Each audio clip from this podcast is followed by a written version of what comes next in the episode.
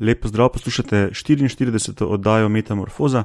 Metamorfoza je podcast o biologiji organizmov, ki gostuje na medijskem mreži Metina Lista. Jaz sem biolog Matjaš Gregorič in danes je to uh, malo posebna oddaja, tako na hitro posneta, zato ker so v ponedeljek 27. marca slovenski raziskovalci objavili odmevno študijo o človeški ribici in ta krajša oddaja je posvečena uh, samo temu. Uživajte v poslušanju.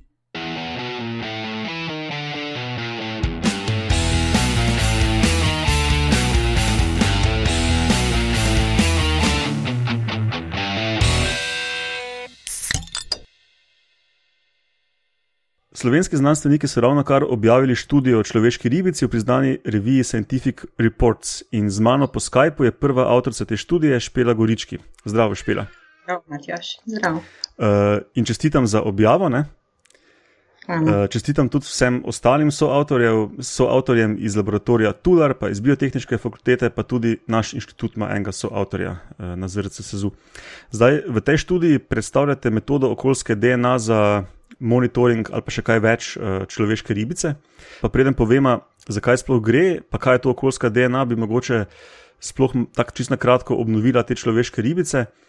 Uh, tako na zunaj ločimo, če tako rečem, navadno človeško ribico in črnega močerila, ne, ki so ga pri nas odkrili komaj pred par desetletji. In ti si že v svojem doktoratu pred leti se ukvarjala s sistematiko človeških ribic. Uh, Preden si potem šla za nekaj let v ZDA delati na regeneraciji, če jaz to prav vem. Ja. Zdaj pa tako, eh, jaz kot biolog tako doskrat slišim od kolegov, da je med človeškimi ribicami v bistvu večja raznolikost kot ti dve podvrsti, kot sta, mislim, da zdaj še formalno klasificirani. Uh -huh. uh, lahko na kratko poveš, kaj o tem, koliko ali so to bolj vrste, pa koliko bi jih približno lahko pričakovali, ali to sploh kaj vemo bolj konkretno? Uh mhm. -huh. Ja, v mojem doktoratu smo predvsem analizirali DNA človeške ribice in sicer mitohondrijsko DNA, ki predstavlja samo en del celotnega genoma človeške ribice. Tako da jaz lahko bolj govorim samo o tem, eh, o tem znaku. Ne? In eh, izkazalo se je, da je pravzaprav eh, variabilnost v DNA, mitohondrijske DNA človeške ribice, dosti večja, kot smo v začetku, glede na morfologijo, glede na izgled, predvidevali pa tudi med določenimi skupinami, populacijami človeške ribice, je variabilnost, raznolikost mitohondrijske DNA večja, kot je pri nekaterih sestrskih in drugih sorodnih vrstah različnih dvoživk, ki so priznane biološke vrste. In potem sklepamo, da bi lahko tudi pri človeški ribici govorili o več različnih vrstah. S tem, da pa te podatke moramo zdaj še potrditi z drugimi neodvisnimi znaki, predvsem jedrno DNA, ki nam bo pokazala, ali prihaja dejansko do genskega pretoka med temi, nekaterimi temi populacijami, med katerimi tudi fizično lahko pride, ali pa so že genetsko povsem ločene, tako kot pač samostojne vrste, kar velja za samostojne vrste. Ne? In nekako doslej predvidevamo, da bi nismo se še vsi zedinili. Um, nis, to so komplicirane statistične metode, izračuni, po katerih nekako ocenjujemo, koliko bi teh vrst lahko bilo. In doslej se je pojavilo vse od 3 do 12 različnih vrst, da bi lahko wow. bilo na dinarskem krasu. Ja ne samo v Sloveniji, ampak tudi južno, ne? na Dinarskem, v Bosni in Hercegovini, ja, tam, kjer še pač človeška ribica se pojavlja. Ne? Tudi v Sloveniji predvidevamo, da imamo več vrst človeške ribice, pri tem pa nas je presenetilo zelo dejstvo, da pravzaprav črna človeška ribica, če gledamo mitohondrijsko DNA, še ni dovolj dolgo ločena od bele človeške ribice, ki živi na istem območju. Tako da smo zaključili oziroma predvidevali, da črna človeška ribica pravzaprav ne predstavlja samostojne vrste takrat na, po tistih podatkih. Zdaj, z okoljsko DNA, smo pa pravzaprav se ponovno vprašali to vprašanje in sicer smo hoteli preveriti, ali lahko črna in bela človeška ribica, ki sta morfološko in tudi vedensko zelo različni, ali lahko prideta v podzemnem okolju, kjer živita v stik. Uh mhm. -huh. Ker če lahko prideta oni dve v stik in obstajajo tako velike morfološke razlike med njima, obstaja verjetnost, da sta pravzaprav tudi reproduktivno ločeni. Se pravi, bi lahko bili kljub relativno majhnim razlikam v DNA samostojni vrsti. No, in to je, bila, to je bilo eno od pomembnih vprašanj, ki smo ga obravnavali v tem delu, ne, v tej raziskavi, v okoljski gen. Ja, ok, se to smo tudi uh, pripravljeno za eno kasnejše vprašanje. Daj, imate zdaj kar razložiti, kaj je to okoljska DNA, čisto na hitro, pa potem skočimo v vašo študijo, pa bom kar jaz proval, pa boš me ti dopolnila, če se ti bo zdelo kaj pomembno. Se pravi, okoljska DNA, oziroma če naj bojo poslušalci kdaj slišali reči e-DNA, je pač to ta kratica iz environmental DNA. Ne? Je, so kakršni koli ostanki genetskega materiala nekega organizma v okolju, kot tega organizma več ni nujno tam. Ne? Se pravi, mi lahko povzročimo neke ostanke kože, dlake, izločkov, iztrebkov, celic, kar tak v okolju, ali pa nekih delčkov celic po njihovem razpadu, pač kakršni koli odtis genetski organizma v okolju, brez da bi mi organizem kadarkoli videli. Tako. Ja, zdaj pa in to ste vi v bistvu filtrirali iz vode. Ne? Jaz se spomnim uh, tebe pred leti v našem laboratoriju, ko si pač tam desetine litrov vode skozi neke filtre filtrirala. Ne? Uh -huh. Pa lahko, evo, mogoče na kratko malo poveš, kako sploh to tako čist tehnično poteka, koliko zdaj, ko imate že enkrat uh, pač definirano metodo, ali pa ko ste jo malo streamlinali, ne? kako to sploh poteka. Ti priješ na teren in zajemeš neko količino vode, in kaj se pol zgodi. Ja, priješ na teren, greš na izvir, greš v jamo, greš do vodnjaka, napumpaš vodo. E, pri tem nikoli v bistvu nismo videli samih človeških ribic, razen zelo izjemoma v nekaterih izvirih, ki pa so bliže prej potrjeni. Ne? V nekih novih izvirih, smo, kjer smo človeško ribico povsem na novo iskali, tudi ni mogoče pravzaprav videti. Ne? No, vzeli smo po 20 litrov vode na vzorec, na lokacijo. To smo potem v roku enega dneva morali prefiltrirati skozi tako zelo, zelo fine filtre z nekaj delčki mikrona, velikimi porami, tudi specialno kemično sestavo, na katero se je potem vezala DNA. In uh, to DNA smo potem iz filtrov postrgali s posebnimi kemikalijami in s posebnim postopkom, ki je pravzaprav izlužil samo čisto DNA v vodi in to ne samo DNA človeške ribice, ampak DNA vseh organizmov, ki puščajo svoje sledi v vodi. Ne? Tako da mi smo potem za določanje človeške ribice morali sintetizirati posebne kratke molekule DNA ki so bile po zaporedju specifične za človeško ribico ali za njeno posamezno populacijo, ki smo jo hoteli pokazati, dokazati v vodi. Ne? In potem smo s pomočjo uh, metode verižna reakcija s polimerazo, uh, se pravi s pomočjo encima, ki pomno specifično pomnožuje DNA v prisotnosti teh delčkov DNA, pomnožili DNA človeške ribice, če je ta bila v vzorcu, dovolj, da smo jo lahko potem z fluorescentnim detektorjem tudi zaznali ne, v vzorcu. In ta metoda je tako občutljiva, da zazna že eno samo molekulo DNA v vzorcu. Če smo mhm, uspeli v 20 litrih vode povzročiti in sfiltrirati in jo nismo med postopkom izolacije izgubili, smo jo lahko s to metodo tudi zaznali. Ne. Mhm. Zdaj bo mogoče malo butasto vprašanje, ne, ampak um, 20 litrov vode je precej malo. Ne, iz, um, verjetno, verjetno vplivajo tudi neke vremenske razmere, trenutne ali pa čist sezonske, ja. pa tudi verjetno um, čist na ključe. Ne. Verjetno, če ne vzameš ne vem koliko 20 litrskih vzorcev, ne moreš biti čist siguren, če je tam res nič, če ne najdeš ali se motim. Ja, zdaj, odvisno, to je zelo odvisno. Vedno moraš nekako mm, se odločiti za, neko, za nek kompromis. Ne? ne moreš prefiltrirati 100 litrov vode, ker potem bi metoda postala predraga. Prvič 20 litrov vode smo filtrirali približno 4 ure. Ne? In te kemikalije in vse ti postopki so izjemno dragi. In če imaš ti, če imaš ti ogromni vzorec, ne veš, se že sprašuješ, če se to sploh splača. Ne? Mi smo, mhm. preden smo šli na teren, smo mi nekoliko umirili metodo. Ne? Določili smo nekako minimalno stopnjo detekcije, se pravi najmanjšo gostoto osebkov človeške ribice pri določeni velikosti človeške ribice pri kateri metoda še zazna pri 20 litrih, ne? če vzamemo 20 litrov vode, še zazna njeno prisotnost. Tako smo ugotovili, da ena poprečno velika človeška ribica na 250 kubičnih metrov vode je nekje minimum, da mi, če vzorčimo 20 litrov vode, jo še zaznamo pri tem. Pa, da mora biti voda čim bolj stoječa, ne? ker če hitro voda teče, potem tudi ena, seveda, odplavi in uh, takrat je tudi bolj razreči, in takrat je, seveda, uh, težje ne, zaznati človeško ribico, ne, ki je zelo redka, predvidoma uh, v jamskem okolju. Tako da vse, kar je redkeje od tega, od te ocene, ne, mi ne moremo zaznati.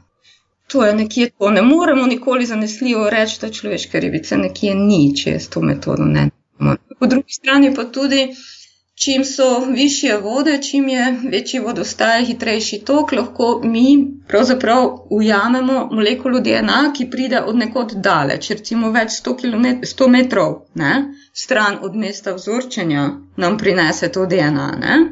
In takrat tudi ne moremo, mi smo hoteli prav čim bolj natančno ugotoviti, do izvira natančno, ne, do zaledja izvira, do nekaj metrov, recimo nekaj deset metrov natančno, ali je človeška ribica prisotna v izviru ali ne, ne nekaj sto metrov, ne? kar so doslej, recimo, z okoljsko DNA uspeli. Mi smo to natančnost ugotavljanja prisotnosti človeške ribice oziroma nasploh vodnih organizmov zelo, zelo, se mi zdi, povišali. Ne? Naprimer, ravno člo, črne človeške ribice smo eh, povzročili serijsko izvire, ki so med sabo oddaljeni tam 100 metrov. Zdaj ne moramo vedeti, kako razvejan in kako dolg je sam podzemni sistem. Ne? Mi lahko vidimo samo to, kar je na površju. Ne, ne vemo, kakšna je to mreža, pravzaprav dolga. Ne? Ampak vsaj od, izvira en, od enega izvira do drugega izvira je bilo nekje 100 metrov, ne? in mi smo ugotovili, v tem izviru je pozitivno, ne? v naslednjem izviru, čez 100 metrov, že več ni bilo. Tako da to je zelo pomembno. E, to smo pa uspeli, predvsem mislim, da zato, ker smo šli vzorčiti, ko je bila res kar najbolj stoječa voda in čim nižji vodostaj, ko se je še dalo učinkovito pač vzeti vodo, brez da bi vse sorte sedimenti dvignili. Ja, ja, ja. No, Prečítal sem tudi, da je do zdaj znanih približno 300 lokalitet človeške ribice po dinaridih na splošno, ne spravi od Italije dol do Bosne. Ja. Um, pa tak, na prvi pogled se to zdi kar dost mogoče poslušalcem, ne? ampak če me spomin ne vara, imamo recimo samo v Sloveniji katalogiziranih uradno 11 tisoč jam. Mm. Če, se, če to malo tako ekstrapoliramo na cele dinaride, vidimo, da v bistvu pri vseh teh jamah in jamarstvu, ki je kar um, popularno na tem področju, mm. 300 lokalitet sploh ni toliko. Mm. Um, in se pravi, ta vaša študija pomeni v bistvu preboj na, na, na področju detekcije. Mm -hmm. uh, Monitoringa, če tako rečem. Ne? E, prisotnosti, ne gre za ja, ja. monitoring navzočnosti. Ja. Se pravi, zdaj ste našli uh, nekaj novih nahajališč po celem področju celih dinaridov, ali ste se bolj osredotočili na jug, uh, se pravi Bosna, Črna Gora? Tam smo bolj iskali tudi tam, ne? ker je tam zelo neraziskano, tudi nekaj je bilo uh, špekulacij na temo, ali človeška ribica v Črni Gori je ali ni. Ne? In to je bilo treba preveriti. Pa v Beli krajini smo iskali črno človeško ribico. Kaj s temi markerji, ki ste jih uporabili, s temi uh, genetskimi markerji, ki, ki ste jih uporabili, se da kaj ugotoviti, um, neka sistematska pripadnost teh črnogorskih človeških ribic ali je. Ali, se, ali pač to ni dovolj? Ja. Ne, to ni dovolj, zaenkrat to ne moremo. Spravi, zdaj gre bolj za prisotnost. Ja, ja, ja. Tukaj markerje oziroma te DNA sonde smo sintetizirali, dizajnirali tako, da so čim širše uporabne. Ne? po celem, kar je znanih sekvenc DNA, naj bi se vezale na vse, ne, vse populacije. Tako da smo potem povečali verjetnost, da se bo vezalo tudi na ne, neko neznano populacijo. Je pa čisto možno, da je v določeni regiji ravno črnogorska hipotetična populacija variabilna oziroma se razlikuje od. Da se Nekateri od markerjev niso vezali, ampak tega zdaj ne moramo ugotoviti. To bi morali potem posekvencirati zdaj te produkte reakcij ne, in pravzaprav videti, kaj, če se da nekaj videti. v teh kratkih regijah, ki smo jih lovili, ker namreč okoljska DNA je zelo fragmentirana. Ja. Uh -huh, ker razpada sproti, ne prednjo. Ja. Zelo hitro razpada um, zaradi vpliva različnih dejavnikov v okolju, mikroorganizmov, temperature, pH, vse sorte. Ne. Eh, no, našli ste pa tudi nekaj novih lokalitet za črnega mm -hmm. močerila. Ne? Zdaj pa, če se jaz prav spomnim, je teh štiri ali pet uh, lokalitet, vse na območju. Štiri. Aha, štiri. Mm -hmm. uh, so na območju 30 kvadratnih kilometrov ali nekaj takega, če se prav spomnim. Spravi zelo nek omejen, znan um, razpon ali um, razširjenost tega črnega močerila. Ne? So te lokalitete znotraj tega območja, te nove, ki ste jih našli, ali se je kaj razširilo zdaj znano območje v Beli krajini? No, kot prvo, ne? teh 30 kvadratnih kilometrov je pravzaprav ocenjeno območje hipotetične razširjenosti črnega močerila. Ne? Same lokalitete so znotraj območja. Manj kot 2 kvadratna kilometra, same te štiri lokalitete, ki so bile doslej znane. Ja? Glede na to, kar vemo, o povezanosti podzemnih vod v Beli krajini, so avtorji Sket, Bulog, eh, glede na znane te lokalitete, ocenili, da bi lahko črnočloveška ribica mm, bila razširjena na največ 30 kvadratnih kilometrih. Same te, sama ta najdišča so, nahajališča so v, na območju dveh kvadratnih kilometrov. Mi smo v naši raziskavi potrdili pet novih izvirov. Tri od teh novih izvirov so izven doslej znanega območja razširjenosti, se pravi teh dveh kilometrov. Nekje za en kilometr smo razširili območje razširjenosti črne človeške ribice bolj proti severovzhodu, kot je bilo doslej znano. Našli ste pa tudi uh, črnega skupaj z navadno. Ne? Ja. Spravi to pa ima zdaj. Na to najbolj sem pa najbolj ponosna. Se sklada s tistim, kar si na, na začetku že nakazala. Ne? Ja. No, to je pa tiste, tista češnja na vrhu smetane. Ja. In uh, ja, izkazalo se je, seveda, kot sem že v začetku omenila, odgovor na vprašanje, ali se črna in beli človeška ribica pojavljata lahko skupaj. Na isti lokaliteti je odgovor ja. E, našli smo njuno DNA skupaj v enem izviru, nekje sredi areala približno črne človeške ribice. To je še posebej pomenljivo, ker to pomeni, da po moje bel, e, DNA bele človeške ribice ni preprosto prineslo vodni tok, ker potem bi jo našli tudi dolvodno v izvirih, kjer smo sicer našli samo DNA črne človeške ribice. Ne? Po drugi strani nismo našli DNA črne človeške ribice znotraj areala bele človeške ribice, ne? kar po svoje lahko pomeni, da pravzaprav sta nekako ločeni med sabo, čeprav živita domnevno skupaj. Ne? Sta se reproduktivno nekako po moje, vsaj glede na mitohondrijsko DNA, ki smo jo iskali, ločita. Uh, ni zaznati nekega genskega pretoka, ne? vsaj uh mhm. -huh. kar se tiče samic, ne? ker po mitohondrijski DNA gledamo.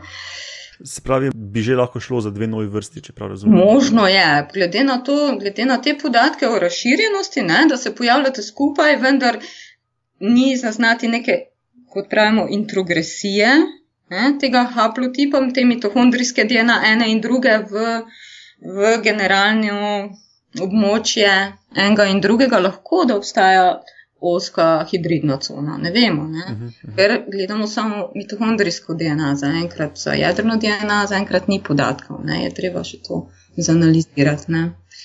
Ampak glede na to, da sta morfološko tako različni ne, in potencialno bi se lahko križali, pa zgleda, da se ne. ne. Ja. Se to uh, potegne še par zanimivosti za sabo, tak, za bodoče raziskave, recimo, ali se stikata populaciji na nekem manjšem delu, ali pa celo sobivata in se potem. Tudi ekološko, mogoče malo ločite, ali pa kaj po nekih ja. bogvekirih lastnostih. Ne? Vprašanje, kaj, zakaj gre tu. Lahko se tudi časovno lahko tudi časovno nista vedno v stiku. Uh -huh, uh -huh. Samo ne vem, mi smo sicer vzorčili pri nizkih vodah, zato je to še toliko bolj pomenljivo. Ne? Lahko bi šlo za to, da se samo pri visokih vodah uh, združita. Ne vem, da je en globlje ja, v zemlji, ja. en bolj v izvirnih delih. Uh, ampak mi smo vzorčili pri najnižjem možnem vodostaju, tako da to spet ni. Jaz še vedno mislim, da lahko pride ta stik in to je treba seveda. Mislim, zanimivo bi bilo to zdaj naprej proučiti. Nujno. Uh -huh. ja. No, upam, da boste. ja, jaz tudi. No. Ja, nič, jaz sem bolj kot ne izčrpal moje vprašanje, da bi ti še kaj dodala. Ja, hvala, Matjaš. Jaz bi se najbolj rada vsem sodelavcem zahvalila, vsem podpornikom, prijateljem, vsem, ki so imeli potrpljenje z nami. Še najbolj mogoče bi omenila Tajdo Gredar, ki je pomagala zredno pri filtraciji v Beli krajini, meni osebno. Drugi imajo verjetno še druge sodelavce. Ne. To je to in upam, da bomo nadaljevali s temi raziskavami. Upam, da bo, upam tudi, da, bo, da se bodo uradne inštitucije, naravovarstvene, začele zavedati pomena te metode, te tehnike in jo tudi implementirale v redni monitoring, ki bi ga morali izvajati. Ja, dobro, te metode imajo itak full potencijala v naravovarstvu in full, full aplikacije. Um, ne samo za človeško ribico, ampak nasplošno za monitoring um, ekosistemov. Jamski pa itak vemo, da so ful na udaru. Um, je ok, špela, hvala, ful, da si se odzvala, no, tako na hitro. Um, pa smo na vezi, ne? Ja. Ok, čau. Okay, čau. Tak, to je bilo to. Uh, povejmo še nekaj admin zadev. Kot rečeno, metamorfoza gostuje na medijskem mreži Metina Lista. Uh, poslušalci nas najlažje dobite na Facebooku Metamorfoze ali pa na Twitterju pod hashtag Metamorfoza. Eh, meni lahko sledite na Twitterju pod Edmatjaš Gregorič, pa ostalim rednim članom Metamorfoze, eh, Romanu Luštriku pod Ed Romunov, pa Urši Fležar pod Ed Gozna Jožica, pa Laura in Alenka Rozman sta dosegljiva na Facebooku. In hvala vsem za poslušanje.